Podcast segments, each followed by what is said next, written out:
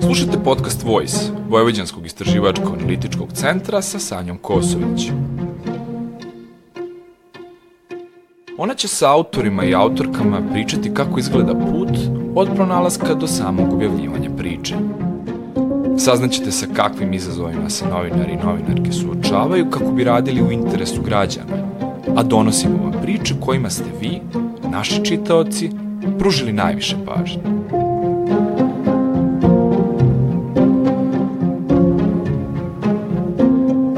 Novoj epizodi razgovaramo sa autorima Markom Lazićem i Aleksandrom Bugarinom o njihovom tekstu pod nazivom Vojvođanska železnička mreža devastirana, decenije sistematskog uništavanja učinile svoje. Mada medijsku pažnju uglavnom privlači Novi Soko, putnici iz većine vojvođanskih mesta uskraćeni su za ovaj tip prevoza i neretko osuđeni da plaćaju skupe autobuske karte. Kako autori navode u tekstu, problemi sa kojima se suočavaju putnici sa železnicama Vojvodine su najčešće neredovni polasci vozova, nekvalitetni redovi vožnje, pa i ukidanje različitih relacija koje su nekada saobraćale.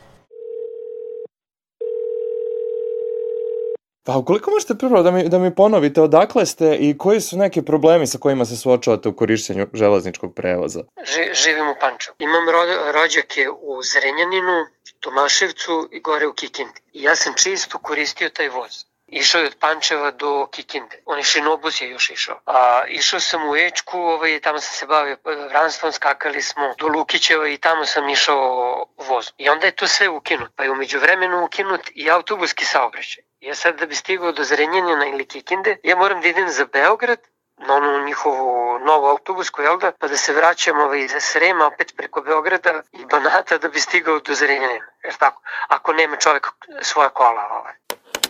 U narednim minutima autori Marko i Aleksandar će nam ilustrovati kako je jedna od najgušćih evropskih železničkih mreža kroz višedecenijsku devastaciju postala maltene pustinja, pa i kako to utiče na svakodnevni život putnika. Zdravo i dobrodošli. Hvala ti Sanja na pozivu. Hvala Sanja što si me zvala. Za početak, šta vas je lično podstaklo da se bavite ovom temom i čije je ovo u stvari bila ideja?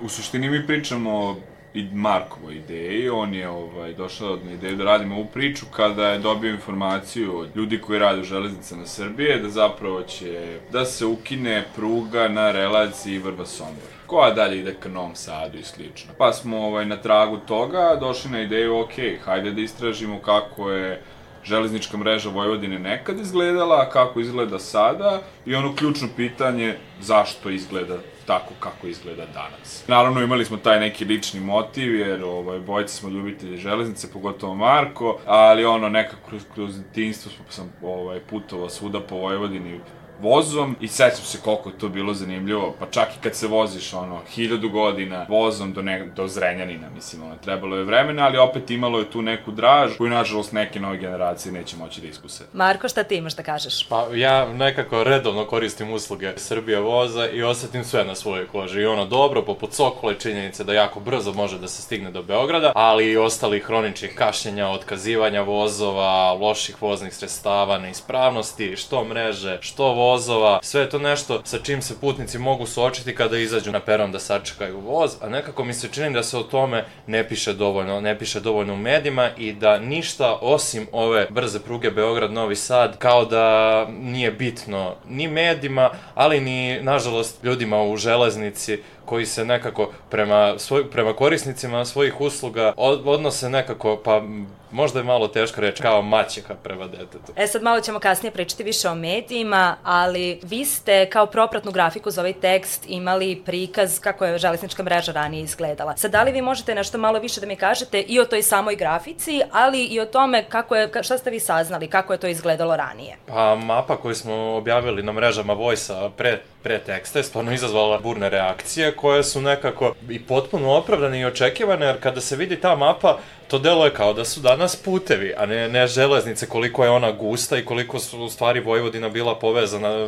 Ne, ne, ni ne možete da zamislite dok ne pogledate tu mapu da su bukvalno sva mesta u Vojvodini bila povezana železnicom. Ne samo u Vojvodini, nego su i ta mesta bila povezana sa velikim gradovima u okolnim državama koje su tada bile deo Austrougarske, Austrougarske monarhije. No, nažalost, nakon što se carstvo raspalo, nastala i Kraljevina Jugoslavija, kasnije Socijalistička federativna republika Jugoslavija, ta mreža se stalno krunila i krunila. Nekako nije bilo ni volje, niti želje da se održava toliko jedan glomazni sistem. On možda jeste bio nekako megalomanski, megalomanski tada napravljen, trebalo ga je možda svesti, svesti na pravu meru, ali ne gasiti ga kao što je to rađeno. Nažalost, sa gašenjem, sa gašenjem železničkih pravaca se počeo još u vreme socijalističke federativne republike Jugoslavije, kada su još negde tamo 48. nakon rezolucije Infrombiroa prvo su pokidane te veze sa Mađarskom i Rumunijom koje su tada bile deo tog Varšavskog pakta, čisto iz bezbednostnih razloga, kasnije su mnoge pruge po Vojvodini ukidane iz ekonomskih razloga, proglašavane nerantibilnima i nažalost sa time se samo, samo nastavilo. Kasnije taj trend nikako nije prestao i to je sada kulminiralo.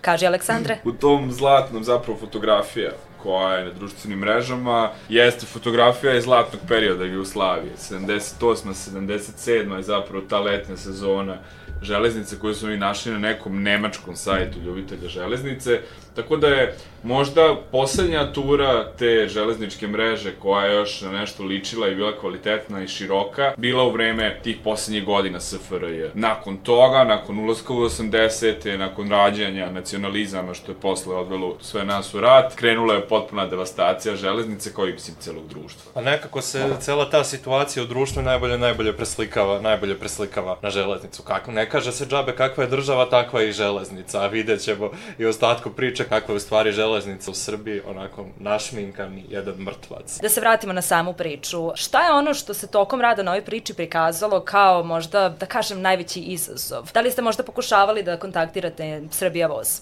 Od starta smo pokušavali da kontaktiramo Srbija Voz, jer ta ključna informacija koja je osnova naše priče, odnosno to ukidanje pruge ovaj, između Vrbasa i Sombora, odnosno navodno privremeno obustavljanje, mi smo ja, ovaj, muko mučili da, da dokažemo uopšte tu tezu koju smo dobili. Znači, tu informaciju koju smo dobili od običnih radnika koji rade u železnicama Srbije, da li se ona ukida ili se privremeno obustavlja, jer to su dva različita pojma. Na kraju smo skoro pred nego što će železnice Srbije dan ranije objaviti javno da se ona privremeno obustavlja, dobili tu informaciju. Praktično kad i svi. Nije bilo neke velike razlike i u kasnijem nekom istraživanju smo imali problema sa dokumentima, konkretno železnice Srbije. Imali smo pod broj 1, trebalo nam je vremena da nađemo dokument u kom se nalazi nabavka kojom je sva demontirana pruga u Vojvodini kroz ovih prethodnih nekoliko godina ovaj, stavljena na prodaju i znači firma koja je ona prodata za neke basoslovne sume, a s druge strane imali, trebalo nam je vremena da na tim užasnim, netransparentnim sajtovima institucija u Srbiji pronađemo odluku Skupštine kojom se ta pruga uopšte demontira.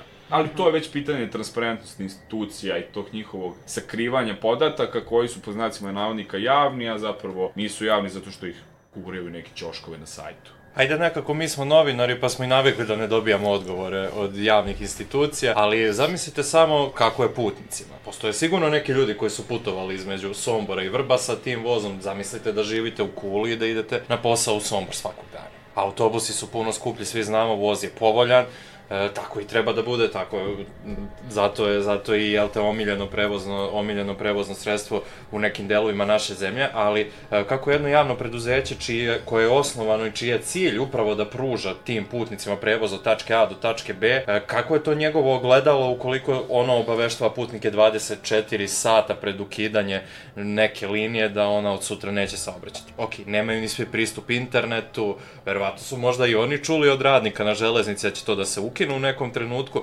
ali e, takve stvari objavljivati tako u 5 do 12 deluje zaista, zaista neozbiljno. Svi znamo javna je tajna da se vozovi otkazuju na dnevnom nivou, naročito sada kad su vrućine na nekim, na nekim pružnim pravicima, naročito onima gde se obraćaju dizel motorni vozovi, zato što oni nisu prilagođeni, ruski dizel, mot, dizel motorni vozovi, koji nisu prilagođeni ovim vremenskim uslovima i temperaturama, ali i pruge se krive zbog sunčanih nekih, nekih krivina i toga ne mogu da podnesu, ne mogu da podnesu vrućine, ali o, o tome nigde nema obaveštenja. To možete da saznate tek kada odete na stanicu i kupite kartu, pokušate to jest da kupite kartu i onda vam kondukter ili neko na šalteru kaže, e, to danas ne ide, snađite se na drugi način. Što delo je zaista neozbiljno. Mi svi iz budžeta izdvajamo pare da bi to funkcionisalo kako treba, a nažalost nije tako. Sad već kada smo na temi putnika, vi ste i razgovarali sa putnicima i sada koliko su građani uopšte zainteresovani da, da pričaju o ovoj temi, koliko su zainteresovani da podele svoje, svoje iskustvo i da li su oni ljuti, šta, šta je ono što su vama građani rekli, to je putnici?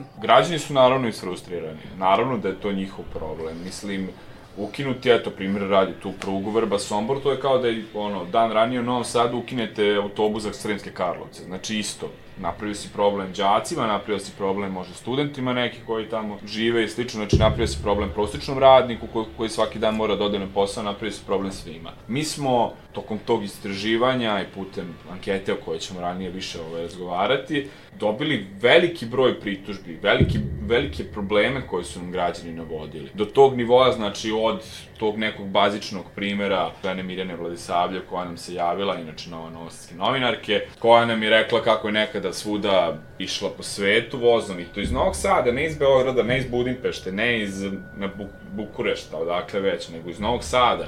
Je išla svuda po svetu, Sada ne može da ode do Kovačice, koja je na par sati od Novog Sada. Koja trenutno mislim da ni nema ne vezu autobusom. Ne, znači, osim ako ne sednete automobil i dođete do Kovačice, ne možete drugačije da dođete. S druge strane imamo problem imali smo čoveka koji je ceo jedan životni vek proveo na železnici, koji je video zlatne dane železnice i koji je video kako ona danas izgleda, kako ona danas devastirana i u poređenju s tim zlatnim godinama ne liči ni na šta. Na kraju dana imali smo čoveka koji ima familiju u Zrenjaninu, koji iz Pančeva, onda bi došao do Zrenjanina, mora da ide za Beograd, pa okolo, naokolo, pa čekajte, pa to je Vojvodina, sve je ravno, nije mogla da se napravi direktna žica, koja je postojala nekada, nego je sada demontirana. Tako da, ono što je srž celog problema i što su građani naglasili, jeste da niko njih nije pitao da li su njima ti pružni pravci potrebni. Nego je to neko došao i rekao, mislim da, to, da je to nepotrebno, ajde to sad da demontiramo. Pa čekaj, kako ćeš da demontiraš ako to ljudi koriste?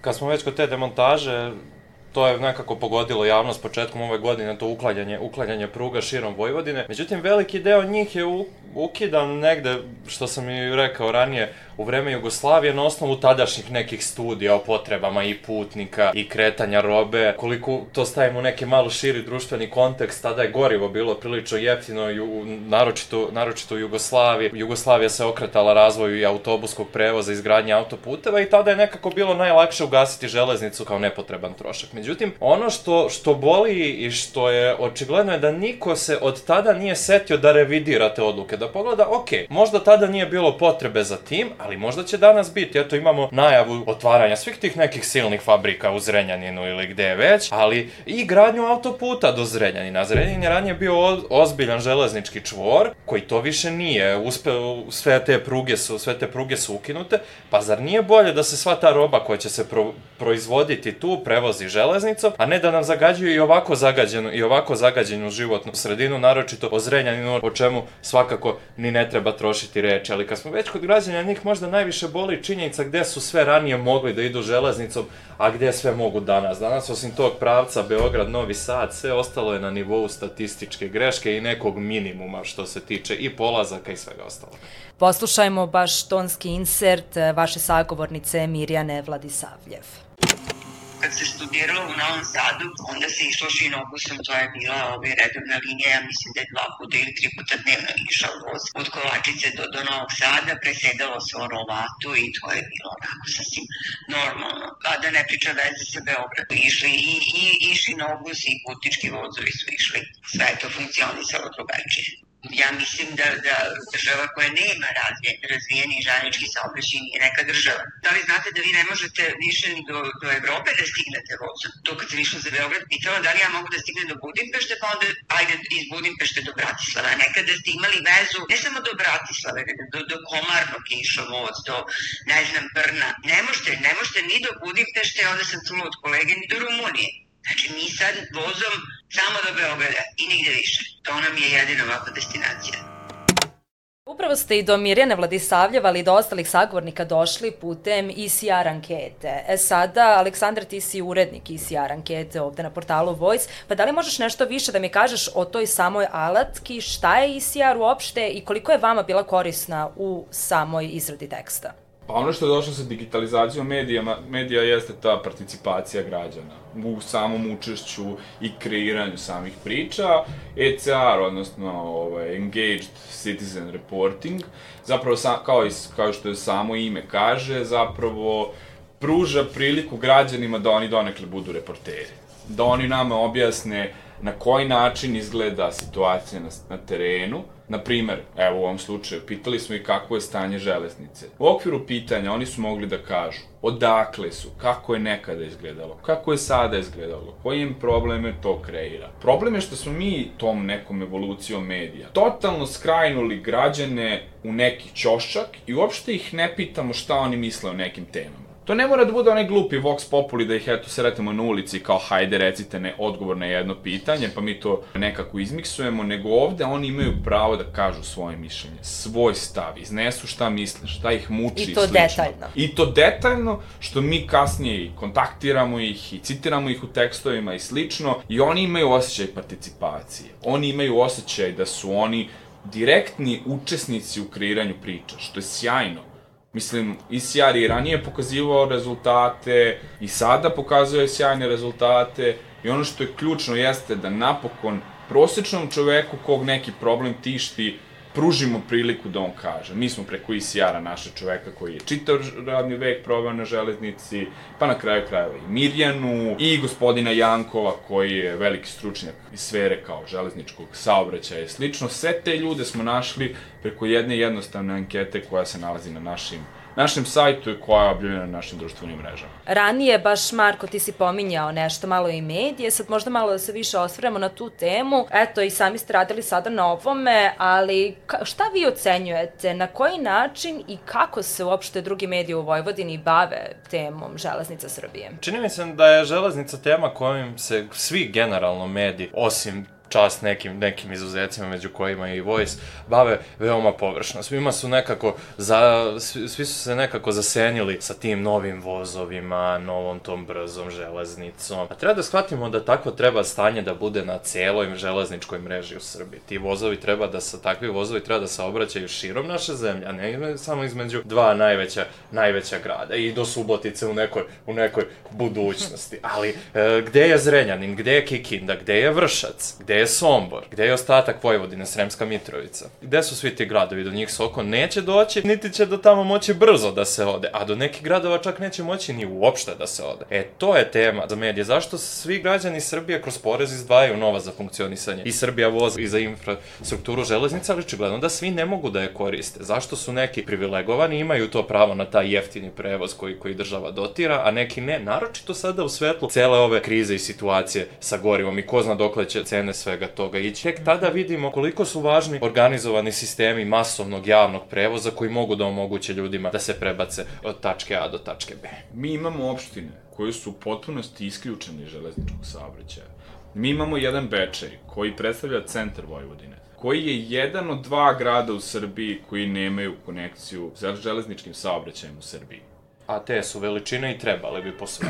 Mi imamo državu koja nama već godina govor, godinama govori mladi ostajte u svojim gradovima, ostajte na selu, ne znam, pravite porodice tu na, u tim manjim mestima i slično, pa čekajte, znači, država nam promoviše, ok, ostajete u svojim gradovima, a s druge strane, ti nemaš železničku vezu s tim. Da ne pričamo o teretnim stvarima, znači ljudi koji se bave poljoprivredom ne mogu da ukrcaju stvari na, na teretni voz pa da pošalju za Beograd. Nego moraju to da prenose na neke druge načine i slično. S jedne strane imamo, to je ono nešto, neko licemerje državno koje mi, jel te, ne možemo da razumemo, S druge strane, i, i sam Soko je napravio određene probleme Vojvodini. Kakve? Zato što sada određeni, na primer, pružni pravci koji idu iz Indije, iz drugih gradova u Vojvodini, ne mogu da se uključe na prugu Novi Sad-Beograd, zato što je ona prilagođena za brze vozove. Ne može svaki voz u Srbiji da dostigne brzinu koju može Soko. U tom sistemu ili svi vozovi treba da budu kao Soko ili ni jedan. I to je znači neka priča koja se konstantno vrti u krug. Ali ja bih se vratio samo ukratko na medije. mediji u Vojvodini pričaju o problemu železnica kada je već kasno. Mi o problemu železnica moramo da pričamo stalno. Ne možemo da pričamo o ekologiji kada se već desila ekološka katastrofa. Mi sve vreme moramo pričamo da o ekologiji. Tako isto sa železnicom. Mi stalno moramo da podsjećamo.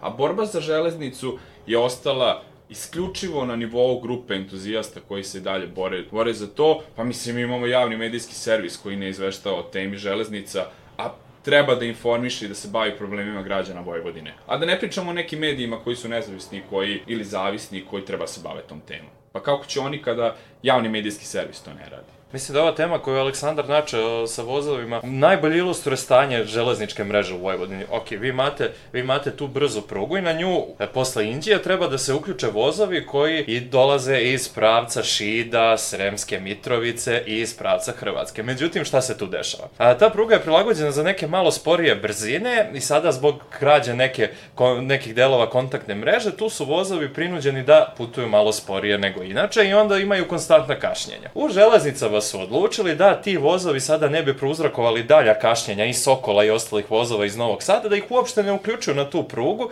i oni svoje putovanje završavaju u Golubincima, koji su između nigde i ničega. Koliko bi ti vozovima, a ranije su išli svi do Beograda. Naprimjer, sada ako sednete u vozu u Šid, krajnja stanica su vam Golubinci. A šta vi možete da radite u Golubincima? Tražite drugi prevoz. pa, ali Golubinci nemaju otprilike, mislim, ni, čak ni autobusku stanicu. Da, jasno. Što, je, što dovoljno ilustruje e, položaj i Vojvodine i železnice u Vojvodini i ono i dovoljno ilustruje šta je bitno vlastima, a šta je očigledno, šta očigledno postoji samo pro forme. Šta je ono tokom rada na ovoj priči, na ovoj temi koja je u stvari veoma široka? Šta je ono što ste saznali, a da niste imali prostora da uvrstite u tekst i da isto da, da takođe smatrate da je veoma važno?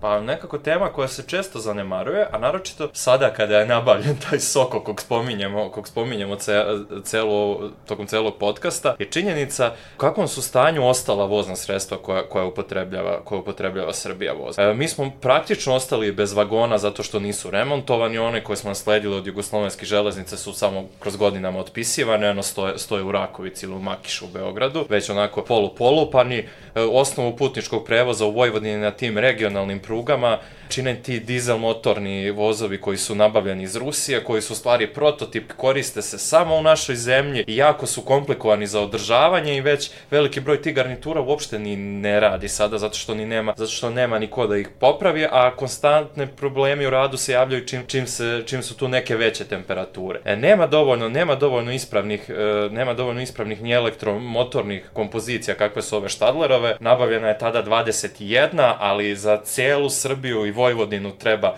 daleko više, sada je tu, sada je tu novi kredit za nabavku voznih sredstava, nešto će se novo kupiti, ali proći će godine dok, dok to ne dođe na srpske pruge, međutim, hroničan, hroničan je taj nedostatak vagona i jedna od posljedica toga je postepeno ukidanje međunarodnog železničkog saobraćaja. Mhm. -huh. Srbija voz trenutno ima dovoljno ispravnih vagona samo za taj barski voz, koji je jedini voz sa vagonima koji dalje saobraća na celokupnoj mreži železnice Srbije, što ovako malo deluje, malo deluje čudno, ali šta će biti kada se popravi ta brza pruga s kojim ćemo vagonima ići do, do Budimpešte ili do Zagreba. Taj voz ne saobraća već dve godine ukinuti zbog covid ali nikada, nikada, nikada nije vraćen, zato što te elektromotorne garniture kakve Srbija voz poseduje, ne mogu prelaziti u druge zemlje. Sa, njim, sa njima mogu samo, mogu, mogu samo se voze na mreži železnice Srbije, tako da bi, to je problem neki koji će tek da, koji će tek da eskalira i koji će tek postati vidljiv, zato što nažalost u planu nabavke se ne nalazi niti remontovanje nekih nekih vagona, niti nabavka novih, a to će nam očigledno trebati. Pa i lokomotiva, evo šta se, de, šta se desilo pre neki dan s ovim barskim vozom koji je zbog defekta lokomotive na kraju kasnije skoro 10 sati na krajnju stanicu. Znači, bit će tema za Voice i u buduće. Pa kad je železnica u pitanju, tema je uvek na pretek. U suštini, Marko, ti si se i ranije bavio temama železnica Srbije i sad ja bih samo u kratkim crtama da ti meni kažeš šta si ti tačno pisao ranije i koliko su se stvari promenile od kad si ti poslednji put pisao o železnicama i danas. Tada sam pisao taj tekst zajedno sa mojom kolegicom Sanja Đorđević, koja takođe, koja takođe radi ovde na, na portalu Voice. Tada smo se bavili konkretno samo putničkim saobraćajem i pokušali smo nekako da napravimo tu sintezu kako je on kroz godine, nažalost, propadao. E, ono gde se možda najviše vidi to propadanje je taj međunarodni železnički saobraćaj. Srbija je zbog svog položaja, pa i Vojvodina naravno, bila čvorište žele, železničkog saobraćaja u čitavoj Evropi, tu su kroz našu zemlju su prolazili vozovi koji su povezivali zemlje zapadne Evrope sa krajnjim jugom, pre svega, pre svega Grčkom. Sada toga više, toga više nema. Od slavnog Orient Ekspresa više nije ostalo ništa. On je, na primjer, prolazio kroz Kikindu, koja danas nema ni, niti jedan međunarodni voz, a ima samo voz, voz do Subotice, na, na primjer. Eto, nemamo sada zbog te rekonstrukcije, nemamo vozove prema Budimpešti, kao što sam već spomenuo, vozovi prema Zagrebu, Ljubljani su ukinuti zbog covid ali nema najave nikakve, nikakve o njihovom vraćanju. Vozovi za Makedoniju su prvo postali sezonski za Grčku, pa ih sada uopšte nema. Tako da neke te tendencije konstantnog i konstantnog gašenja pružnih pravaca i međunarodnih linija su ono što nekako ostavlja ja gorak, gorak ukus u ustima. Ali nije ništa bolje stanje ni u unutrašnjem saobraćaju, osim, osim ove, ove linije Beograd-Novi Sad. Da, u suštini Za kraj, vi ste u tekstu naveli kao potencijalno rešenje prostorni plan Vojvodine. E sada, kako se vama čini? Da li, da li to potencijalno rešenje vama deluje obećavajuće i šta putnici Vojvodine mogu da očekuju u daljoj budućnosti? Pa to je, mislim, jako opširna tema i generalno prostorni plan Vojvodine je jedna onako široka tema koja treba da, da zaokupira vreme i pažnju svakog građanina Vojvodine, jer to je onako kako će naša ovaj, pokrajina da se zapravo, ovaj, da zapravo izgleda u narednih 10 godina. Znači, tu je regulisano od jezera, reke pa do železnice. Mislim, to je sve, sve postavljeno tu. U suštini, ono što smo dobili od grupe entuzijasta koja je došla sa idejom da se ti ovaj, koridori sačuvaju, jeste da je to za sad isključivo mrtvo slovo na papiru mi dok ne vidimo kako će taj prostorni plan Vojvodine da izgleda, mi ništa ne znamo. Ta pruga je već demontirana. Mi smo nju već izgubili. Ono što mi možemo da sačuvamo je isključivo te koridore kojima je ona išla, da ne ode u privatno vlasništvo, da se da tu iznenada ne izraste benzinska pumpa ili neki drugi put. To je jedino što mi možemo trenutno da uradimo i zašto da se borimo. Teško da će to biti u potpunosti obnovljeno i slično. Problem železnica je što je železnica ostala isključivo cela borba za železnicu i železnički saobraćaj, ne samo u Vojvodini, već i u celoj Srbiji, je ostala isključivo na grupi entuzijasta. A to je pitanje i problem svakog građanina Vojvodine. I eto ona zanimljiva priča za kraj, ja kada sam razgovarao sa gospodinom Jankovom, on mi je pokazao jednu fotografiju na kojoj se nalazi slika iz Nemačke, šuma, nasred šume se nalazi pruga i nasred pruge, iz pruge, onako između onih šina, izrasta drvo. Ja sam ga pitao, pa dobro, koja je poenta te fotografije? On mi je rekao, ovo je primer da se pruga nigde na svetu da ne, ne demontira. Jer sutra će nekom pad spasti na pamet, hej, ajde da je obnovimo, naravno to drvo će skloniti, stavit će novu prugu, sredit će Mi smo jedan od redkih slučajeva, znači mi smo pokrajina Vojvodina imala najrazvijeniju železničku mrežu u Evropi, a mi smo došli do toga da se naša pruga ne montira i sklanja.